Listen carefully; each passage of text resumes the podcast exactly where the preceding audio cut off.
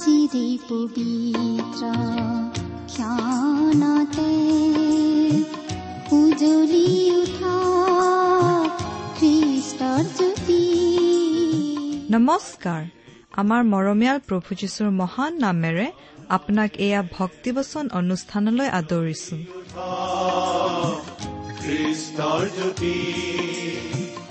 আকাশ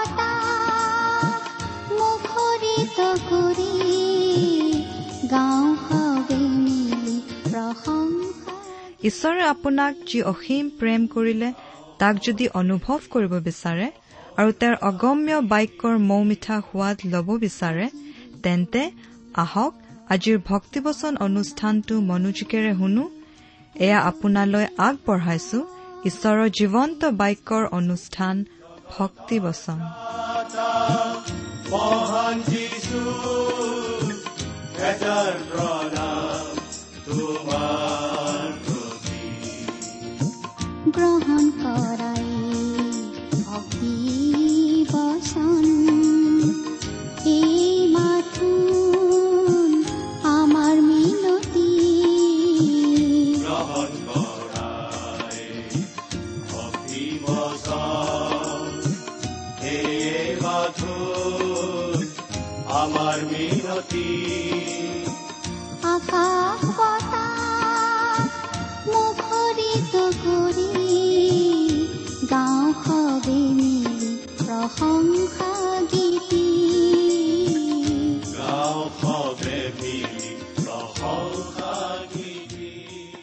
আমাৰ পৰম পবিত্ৰ প্ৰভু যীশুখ্ৰীষ্টৰ নামত নমস্কাৰ প্ৰিয় শ্ৰোতা।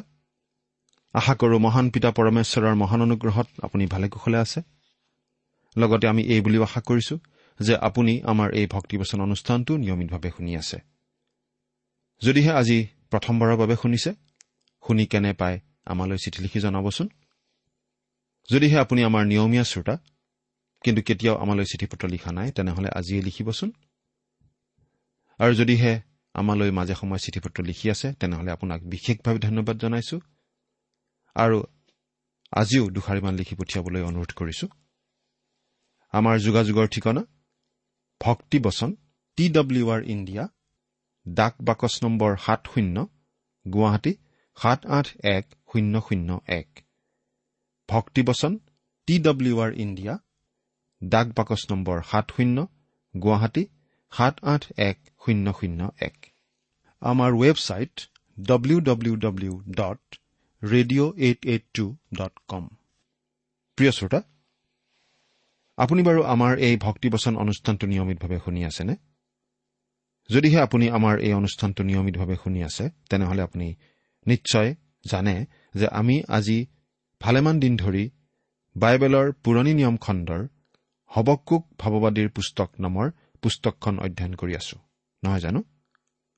যোৱা অনুষ্ঠানত আমি এই হবকুক ভাৱবাদীৰ পুস্তকৰ তিনি নম্বৰ অধ্যায়ৰ এক নম্বৰ পদৰ পৰা ছয় নম্বৰ পদলৈকে আমাৰ আলোচনা আগবঢ়াইছিলো। আজিৰ অনুষ্ঠানত আমি এই হবকুক পুস্তকখনৰ তিনি নম্বৰ অধ্যায়ৰ বাকীকেইটা পদ অৰ্থাৎ সাত নম্বৰ পদৰ পৰা ঊনৈশ নম্বৰ পদলৈকে চাম। আৰু আজিৰ অনুষ্ঠানতেই আমি এই হবকুক পুস্তকখনৰ অধ্যয়নৰ সামৰণি মাৰিব খুজিছো। আশা কৰো আপুনি আপোনাৰ বাইবেলখন মেলি লৈ সাজু হৈছে। লগত কাগজ কলম লৈ লৈছেনে বাৰু? কিবা বুজিবলগীয়া কথা থাকিলে আপুনি লিখি ৰাখিব পাৰিব। নাইবা বেলেগ কিবা কথাও আপোনাৰ মনত খেলালে হয়তো লিখি থবলৈ মন যাব পাৰে। বাইবেলৰ পুৰণি নিয়ম খণ্ডৰ হবকুক তিনি নম্বৰ অধ্যায়। আপুনি বাইবেলত এহেজাৰ চৈধ্য নম্বৰ পৃষ্ঠাৰ পৰাই কথাখিনি পাব। কিন্তু আহক আজিৰ অধ্যয়ন আৰম্ভ কৰাৰ আগতে আমি খন্তেক প্ৰাৰ্থনাত মূৰ দুৱাওঁ হওক। আমি প্ৰাৰ্থনা কৰোঁ স্বৰ্গত থকা অসীম দয়ালু পিতৃ ঈশ্বৰ তোমাৰ মহান নামৰ ধন্যবাদ কৰোঁ। তুমি সৰ্বশক্তিমান সৰ্বব্যাপী সৰ্বজ্ঞানী ঈশ্বৰ হৈও আমাৰ দৰে ক্ষুদ্ৰ মানৱক যে ইমান প্ৰেম কৰা সেই কথা ভাবিলেই আমাৰ আচৰিত লাগে। তুমি আমালৈ তোমাৰ প্ৰেমৰ প্ৰমাণ দিছা। তুমি আমাক ইমানেই প্ৰেম কৰিছা যে আমাক পাপৰ পৰা উদ্ধাৰ কৰিবলৈ আমাক পৰিত্ৰাণ দিবলৈ আমাক অনন্ত জীৱনৰ ভাগি কৰিবলৈ তুমি তোমাৰ একেজাত পুত্ৰ যীশুখ্ৰীষ্টকেই আমালৈ দান কৰিছা। তেওঁ মানৱ ৰূপ ধাৰণ কৰি এই পৃথিৱীলৈ আহিল। তেওঁ আমাৰ সকলো পাপৰ বোজা নিজৰ কান্ধত লৈ আমাৰ হৈ ক্ৰুচত প্ৰাণ দিলে। নিজৰ পবিত্ৰ তেজ বোৱালে। তেওঁৰ তেজেৰে আমাৰ পাপৰ প্ৰায়চিত্ৰ কৰিলে। আজি তেওঁত বিশ্বাস কৰি আমি আমাৰ সকলো পাপৰ ক্ষমা লাভ কৰি অনন্ত জীৱন লাভ কৰি তোমাক পিতৃ বুলি মাতিব পৰা হৈছো। তাৰ বাবে তোমাক অশেষ ধন্যবাদ পিতা। এতিয়া আমি তোমাৰ মহান বাক্য বাইবেল শাস্ত্ৰ অধ্যয়ন কৰিবলৈ ওলাইছো। প্ৰাৰ্থনা কৰিছো তোমাৰ বাক্য তুমিয়েই আমাক বুজাই দিয়া। এই অনুষ্ঠান শুনি থকা আমাৰ মৰমৰ শ্ৰোতাসকলক তুমি উপচি পৰাকৈ আশীৰ্বাদ কৰা। কিয়নো এই প্ৰাৰ্থনা আমাৰ মহান ত্ৰাণকৰ্তা মৃত্যুঞ্জয় প্ৰভু যীশুখ্ৰীষ্টৰ নামত আগবঢ়াইছো। আমেন।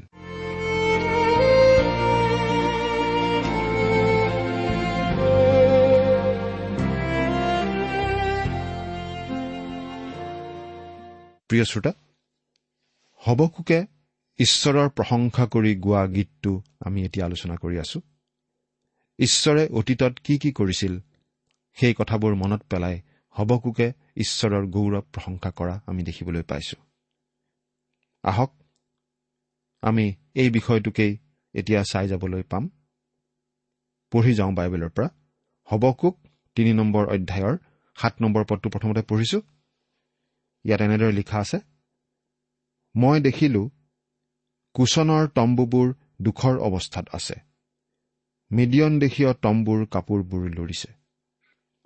মই দেখিলো কুচনৰ তম্বুবোৰ দুখৰ অৱস্থাত আছে। কুচন মানে? কুচন মানে হৈছে বৰ্তমানৰ ইথিওপিয়া। মিডিয়ন দেশীয় তম্বুৰ কাপোৰবোৰ লৰিছে। প্ৰিয় শ্ৰোতা আপোনাৰ হয়তো এই কথাটো মনত আছে যে মুচি কিছুকাল মিডিয়ন দেশত গৈ থাকিব লগা হৈছিল। আজিকালি কিছুমান পণ্ডিতে এই কথাটো বিশ্বাস কৰে যে ফৰৌন ৰজাৰ জীয়েকৰ তুলনীয়া পুত্ৰ হিচাপে মুচিয়ে খুব সম্ভৱ ইথিওপিয়াৰ বিৰুদ্ধে সমৰ অভিযান চলাইছিল। সেইটো অৱশ্যে কোনো লিখিত বিৱৰণত নাই। কিছুমান পণ্ডিতে তেনেদৰে ভাবে মাথোন। কিন্তু আমি জানো যে তেওঁ বাক্যত আৰু কাম কাজত অতি পৰাক্ৰমী আছিল। আঠ নম্বৰ পদ। হে যি হোৱা তুমি নদীবোৰৰ অহিতে অসন্তুষ্ট হৈছানে? তুমি যে তোমাৰ ঘোঁৰাবোৰত উঠিছা জয়ী হবলৈ তোমাৰ ৰথত আৰোহণ কৰিছা তোমাৰ ক্ৰোধ নদীবোৰৰ অহিতে উঠিছেনে? বা তোমাৰ কোপ সাগৰৰ ওপৰত হৈছেনে? ইয়াত ইছৰাইলীয় লোকবিলাকে লোহিত সাগৰ পাৰ হোৱা আৰু জৰ্দন নদী পাৰ হোৱাৰ বিষয়ে কোৱা হৈছে। এই কথা আমি সহজে বুজি পাওঁ। তেওঁলোক পাৰ হৈ আহিবলৈ ঈশ্বৰে পানীৰ মাজেদি শুকান বাট উলিয়াই দিছিল অতি অলৌকিকভাৱে। ইয়াত অতি কাব্যিক ভাষা ব্যৱহাৰ কৰি সেই কথা কোৱা হৈছে। এয়া ইব্ৰী কবিতা। ইয়াত এই কথা কোৱা হৈছে যে নদীয়ে বাট ভেটি থকা কাৰণে ঈশ্বৰৰ খং উঠা নাছিল। তেওঁ মাত্ৰ লোহিত সাগৰ দুফাল কৰি মানুহবোৰ পাৰ হৈ যাবলৈ দিছিল। পাছত জৰ্দন নদীৰ ক্ষেত্ৰতো তেওঁ তেনেকুৱাই কৰিছিল। এতিয়া চাম আমি ন নম্বৰ পদটো। ইয়াত এনেদৰে লিখা আছে তোমাৰ ধনু সম্পূৰ্ণ অনাবৃত হৈছে। ফৈদবিলাকৰ আগত কৰা শপতবোৰ নিশ্চিত বাক্য চেলা। তুমি পৃথিৱী ফালি নদ নদীময় কৰিছা। তোমাৰ ধনু সম্পূৰ্ণ অনাবৃত হৈছে। ফৈদবিলাকৰ আগত কৰা শপতবোৰ নিশ্চিত কৰা চেলা। ঈশ্বৰে তেওঁৰ প্ৰতিজ্ঞা পালন কৰিছিল। তেওঁৰ লোকবিলাকৰ সৈতে কৰা চুক্তিমতে তেওঁ কাম কৰিছিল। চেলা আমি গীত গানৰ লগত ড্ৰাম বজাই থকাসকলে ড্ৰামটো এতিয়া বেছিকৈ বজাই দিব লাগে যাতে মানুহবোৰে সাৰ পাই উঠে আৰু ঈশ্বৰৰ কবলগীয়া কথাবোৰ মন দি শুনে। তুমি পৃথিৱী ফালি নদ নদীময় কৰিছা। আপুনি বাৰু কেতিয়াবা চিন্তা কৰি চাইছেনে? পৃথিৱীখন নদীবোৰে কেনেকৈ ফালি ভাগ ভাগ কৰি ৰাখিছে? নদীবোৰ আচলতে পৃথিৱীখন ভাগ ভাগ কৰি ফালি দিয়া আকৰ নিচিনা নালাগেনে বাৰু? ইয়াত কাব্যিক ভাষাৰে কথাখিনি বুজোৱা হৈছে। এতিয়া দহ নম্বৰ পদটো চাওঁচোন। তোমাক দেখি পৰ্বতবোৰ কম্পমান হৈছে। ঢল পানী বৈ গৈছে। অগাধ জলে নিজৰ স্বৰ শুনাইছে আৰু ওপৰলৈ নিজৰ হাত তুলিছে। যেতিয়া মুচিয়ে ঈশ্বৰৰ পৰা দহ আজ্ঞা আনিবলৈ চিনয় পৰ্বতলৈ উঠি গৈছিল তেতিয়া পৰ্বত কঁপিছিল। আৰু ইছৰাইলীয়া লোকবিলাকে ইমান ভয় খাইছিল যে তেওঁলোকে তাৰ ওচৰলৈ আহিবলৈ ভয় কৰিছিল। ঈশ্বৰে তেওঁলোকক কথা ক'ব নালাগে বুলি তেওঁলোকে কৈছিল। তেওঁলোকে আচলতে সাংঘাতিকভাৱে ভয় খাইছিল। এই পদকেইটাত আমি আচলতে ঈশ্বৰে মুচিৰ যোগেদি কেনেকৈ ইছৰাইলীয়া লোকবিলাকক উদ্ধাৰ কৰিছিল তাৰ সোঁৱৰণত বৰ্ণনা এটা পাওঁ। প্ৰথমতে ঈশ্বৰে অব্ৰাহামৰ লগত এটা চুক্তি কৰিছিল আৰু সেই চুক্তি তেওঁ সম্পন্ন কৰিছিল। তাৰ পাছত তেওঁ মুচিৰ লগত এটা চুক্তি কৰিছিল যে তেওঁ ইছৰাইলীয় লোকবিলাকক মিছৰৰ পৰা উদ্ধাৰ কৰিব। ঈশ্বৰে সেই চুক্তিও পালন কৰিছিল। আৰু তেওঁৰ কোৱাৰ দৰেই ইছৰাইলীয় লোকবিলাকক মিছৰ দেশৰ পৰা উদ্ধাৰ কৰি আনিছিল। এঘাৰ নম্বৰ পদত আমি যীহু চোৱাৰ কথালৈ আগবাঢ়ি আহোঁ। ইয়াত এতিয়া আমি যি কথা পাম সেইখিনি যীহু চোৱাৰ সন্দৰ্ভতেই কোৱা হৈছে বুলি আমি বুজি পাওঁ। অৱশ্যে নামবোৰ ইয়াত উল্লেখ কৰি দিয়া হোৱা নাই কাৰণ গোটেই কামখিনিৰ কৃতিত্ব একমাত্ৰ ঈশ্বৰকেই দিয়া হৈছে। এঘাৰ নম্বৰ পদটো পঢ়ি দিছো শুনিবচোন। তোমাৰ বানবোৰ যাওঁতে সেইবোৰৰ দীপ্তিত তোমাৰ চকমকীয়া বৰ্ষাৰ জ্যোতিত সূৰ্য আৰু চন্দ্ৰ নিজ নিজ নিবাস স্থানত স্থিৰ হৈ ৰৈছে। সূৰ্য আৰু চন্দ্ৰ নিজ নিজ নিবাস স্থানত স্থিৰ হৈ ৰৈছে। এই কথাখিনিয়ে আমাক যীহু চোৱাৰ কথা মনত পেলাই দিয়ে কাৰণ তেওঁৰ দিনতেই ঈশ্বৰে এই আচৰিত কামটো কৰিছিল। তোমাৰ বানবোৰ যাওঁতে সেইবোৰৰ দীপ্তিত তোমাৰ চকমকীয়া বৰ্ষাৰ জ্যোতিত সূৰ্যৰ উজ্জ্বল যুটীয়া পাত চিকমিকাই থকা জাঠি যেন দেখা গৈছিল। বাৰ নম্বৰ পদ। তুমি ক্ৰোধত পৃথিৱীৰ মাজেদি যাত্ৰা কৰিছা। তুমি কোপত জাতিবিলাকক মৰণা মৰা দি মাৰিছা। ঈশ্বৰে যেতিয়া প্ৰতিজ্ঞাৰ দেশত ইছৰাইলীয় লোকবিলাকক সংস্থাপিত কৰিছিল তেওঁ তাৰ পৰা অমূৰীয়াবিলাকক খেদি পঠিয়াইছিল। কাৰণ সেই অমূৰীয়াবিলাকে পাপপূৰ্ণ জীৱন কটাই আহিছিল। জিৰিহুনগৰ থকা অঞ্চলত বাস কৰা এই অমূৰীয়াবিলাক যৌন ৰোগৰ দ্বাৰা আক্ৰান্তও আছিল। ঈশ্বৰে তেওঁলোকক তাৰ পৰা খেদি পঠিয়াইছিল। নহলে ইছৰাইলীয়াসকলৰ কোনো পৰিয়ালো তেনে ৰোগৰ বলি হ'ব পাৰে। সেই ৰোগ সেই সময়ত প্লেগ বেমাৰৰ নিচিনা হৈ পৰিছিল। তেৰ নম্বৰ পদ।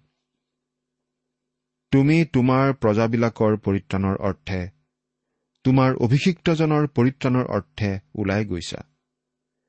তুমি দুষ্টৰ ঘৰৰ মূৰটো গুৰি কৰি ডিঙিলৈকে ভিত্তিমূল অনাবৃত কৰিলা চেলা। তোমাৰ অভিষিক্তজন মানে? তোমাৰ অভিষিক্তজন মানে ইছৰাইল জাতিক বুজোৱা হৈছে নে মচীহক বুজোৱা হৈছে সেই বিষয়ে কিছুমানে সন্দেহ প্ৰকাশ কৰে। কিন্তু আমি ভাবো যে তোমাৰ অভিষিক্তজন মানে ইয়াত মচীহক বুজোৱা হৈছে। তুমি তোমাৰ প্ৰজাবিলাকৰ পৰিত্ৰাণৰ অৰ্থে তুমি তোমাৰ অভিষিক্তজনৰ পৰিত্ৰাণৰ অৰ্থে ওলাই গৈছা।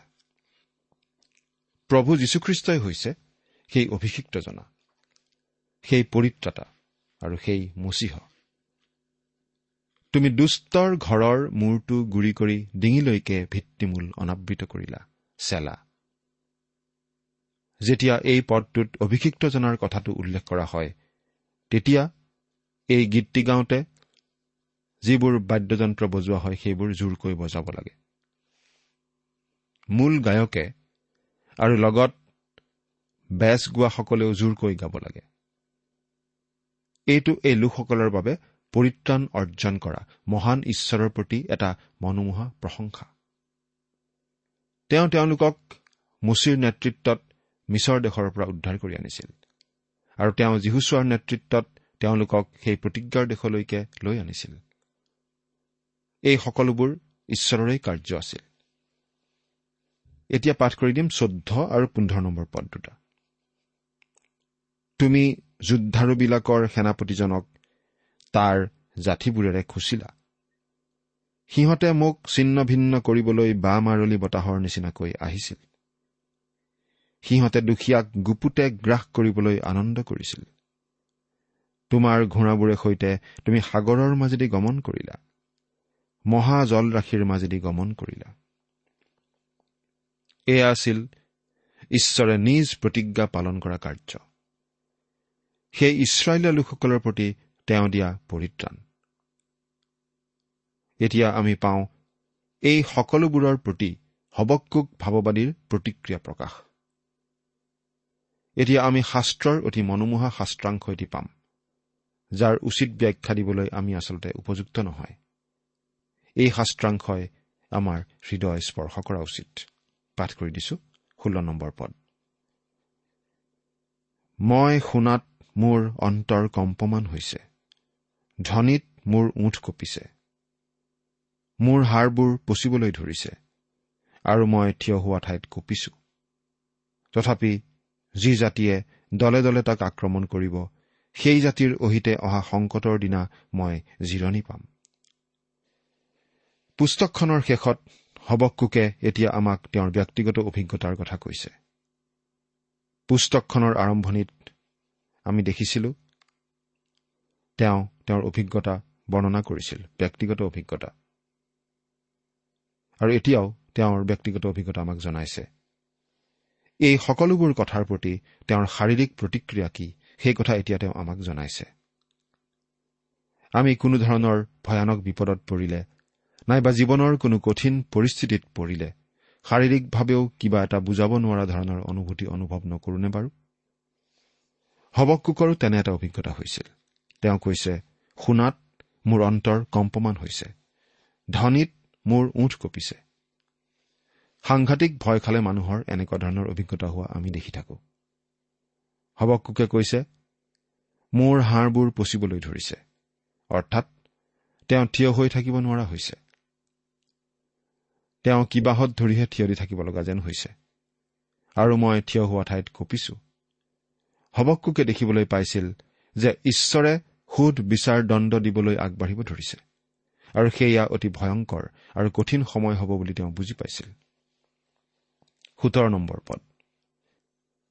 কিয়নো যদিও ডিমৰু গছ নুফুলিব বা দ্ৰাক্ষালতাত গুটি নালাগিব যদিও জিত বৃক্ষৰ ফল নধৰিব আৰু পথাৰবোৰে শস্য উৎপন্ন নকৰিব যদিও গঁড়ালৰ পৰা ভেড়াৰ জাকক উচ্ছন্ন কৰা হ'ব আৰু গোহালিত গৰুৰ জাক নহ'ব।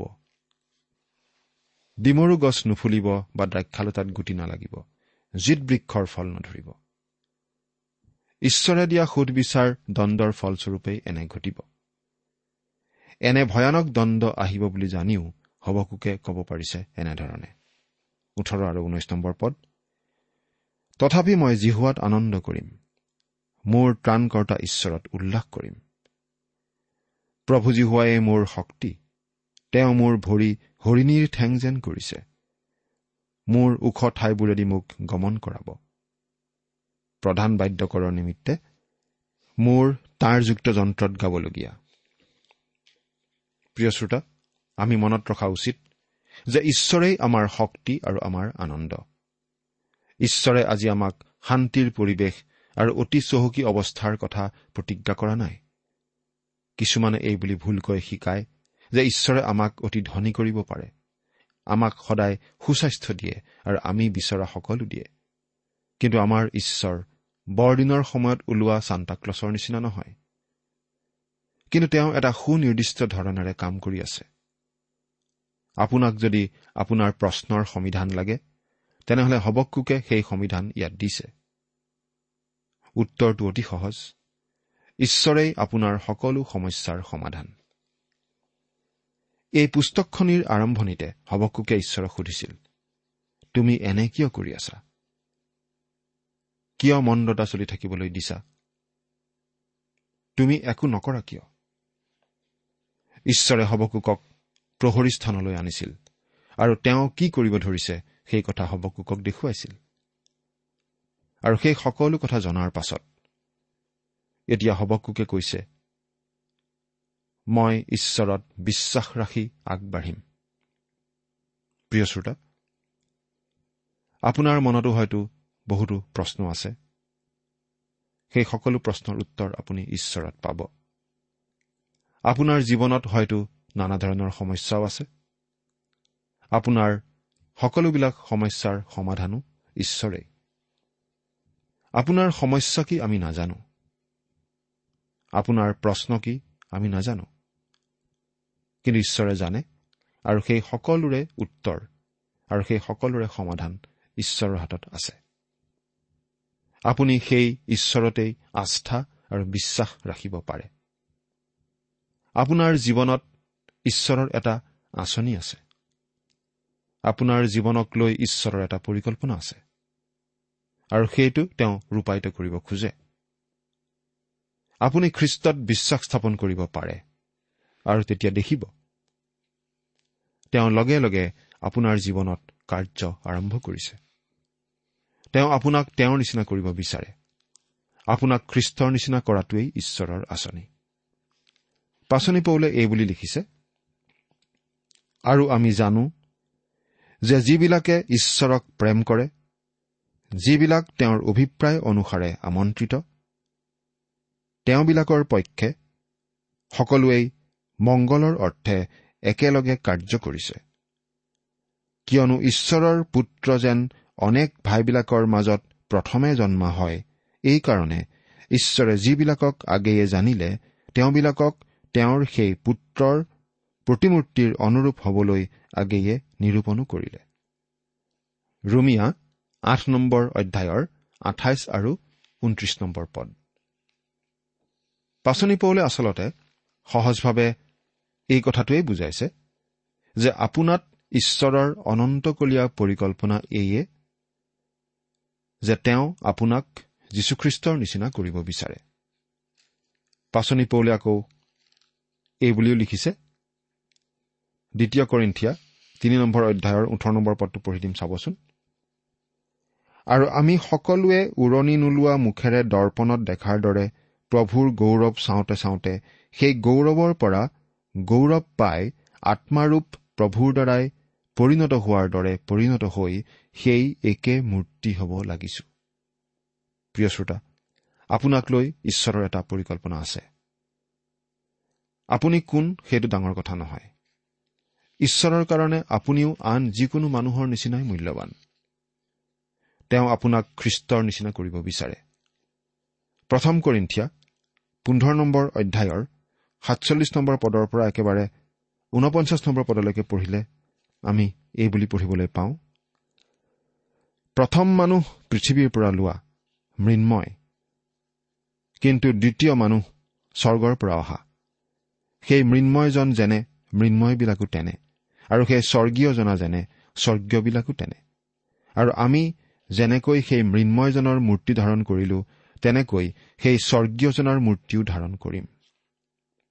অৰ্থাৎ আমি খ্ৰীষ্টীয় বিশ্বাসীসকলে সেই খ্ৰীষ্টৰ মূৰ্তি ধাৰণ কৰিম। আমাক ধূলি মাটিৰে নিৰ্মাণ কৰি পৃথিৱীত ৰখা হৈছে। আমাক ঈশ্বৰে মানুহ কৰিলে।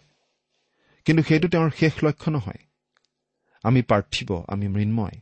কিন্তু তেওঁ আমাক স্বৰ্গীয় কৰিব বিচাৰে। আমাৰ বাবে সেইটোৱে তেওঁৰ লক্ষ্য। শিল্পী এজনে হাতুৰিৰে কোবাই কোবাই যেনেদৰে শিল এটাৰ পৰা সুন্দৰ মূৰ্তি এটা নিৰ্মাণ কৰে ঈশ্বৰেও আমাক তেনেদৰে নিৰ্মাণ কৰিব বিচাৰে তেওঁৰ ইচ্ছা অনুসাৰে। আৰু সেই কাৰ্যত তেওঁ ব্যৱহাৰ কৰা বটালিটো হৈছে অনুশাসনৰ বটালি। কাৰণ প্ৰভুৱে যাক প্ৰেম কৰে তেওঁক শাস্তি দিয়ে। আৰু তেওঁ গ্ৰাহ্য কৰা প্ৰতিজন পুত্ৰক কোবায়। ইব্ৰী বাৰ নম্বৰ অধ্যায়ৰ ছয় নম্বৰ পদ। আৰু হাতুৰিটো হৈছে ঈশ্বৰৰ বাক্য। সেইবাবেই আমি গীত ৰচকৰ লগত সুৰ মিলাই ক'ব পাৰোঁ মই হলে ধাৰ্মিকতাৰ গুণে তোমাৰ মুখ দেখিম সাৰ পাই তোমাৰ মূৰ্তিত তৃপ্ত হ'ম। গীতমালা সোতৰ নম্বৰ গীতৰ পোন্ধৰ নম্বৰ পদ। প্ৰিয় শ্ৰোতা ঈশ্বৰেই আপোনাৰ সকলো প্ৰশ্নৰ উত্তৰ তেওঁ আপোনাৰ সকলো সমস্যাৰ সমাধান। আপুনি যিয়েই নহওক য'তেই নাথাকক আপুনি তেওঁত আনন্দ কৰিব পাৰে তেওঁৰ পৰিত্ৰাণত আনন্দ কৰিব পাৰে। আপুনি হবকুকৰ লগত একেলগে ক'ব পাৰে মই মোৰ ত্ৰাণকৰ্তা ঈশ্বৰত উল্লাস কৰিম। পাৰেনে বাৰু? চিন্তা কৰি চাওকচোন। ঈশ্বৰে আপোনাক আশীৰ্বাদ কৰক।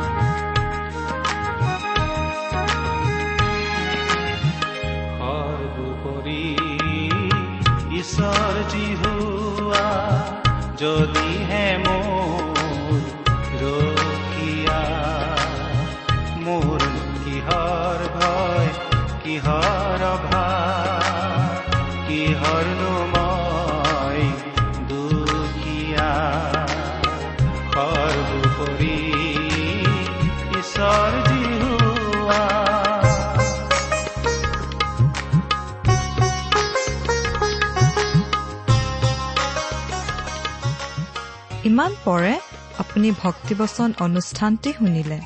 এই বিষয়ে আপোনাৰ মতামত জানিবলৈ পালে আমি নথৈ আনন্দিত হ'ম। আমি প্ৰস্তুত কৰা বাইবেল অধ্যয়নৰ আন চিডিসমূহ পাব বিচাৰিলেও আমালৈ লিখক। অনুষ্ঠানটি শুনি কেনে পালে আমালৈ চিঠি লিখি জনাবচোন? অনুষ্ঠানত প্ৰচাৰ কৰা কোনো কথা বুজিব লগা থাকিলেও আমালৈ লিখক। আমাৰ ঠিকনা? ভক্তিবচন ট্ৰান্স ৱৰ্ল্ড ৰেডিঅ' ইণ্ডিয়া ডাক বাকচ নম্বৰ সাত শূন্য গুৱাহাটী সাত আঠ এক শূন্য শূন্য এক।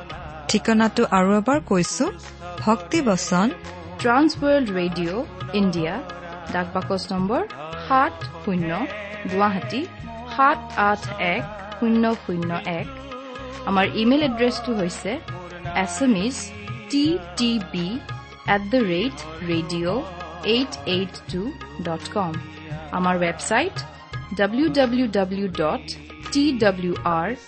ইন আপুনি টেলিফোনৰ মাধ্যমেৰেও আমাক যোগাযোগ কৰিব পাৰে। আমাৰ টেলিফোন নম্বৰটো হৈছে শূন্য তিনি ছয় এক দুই ছয় শূন্য চাৰি ছয় সাত এক। ফোন নম্বৰটো আকৌ এবাৰ কৈছো zero' three six one two six zero' four six seven one. আজিৰ অনুষ্ঠানটি ইমানতে সামৰিছো। ঈশ্বৰৰ শান্তি আৰু অনুগ্ৰহ আপোনাৰ লগত থাকক। ধন্যবাদ। জীৱনৰ সকলো প্ৰয়োজন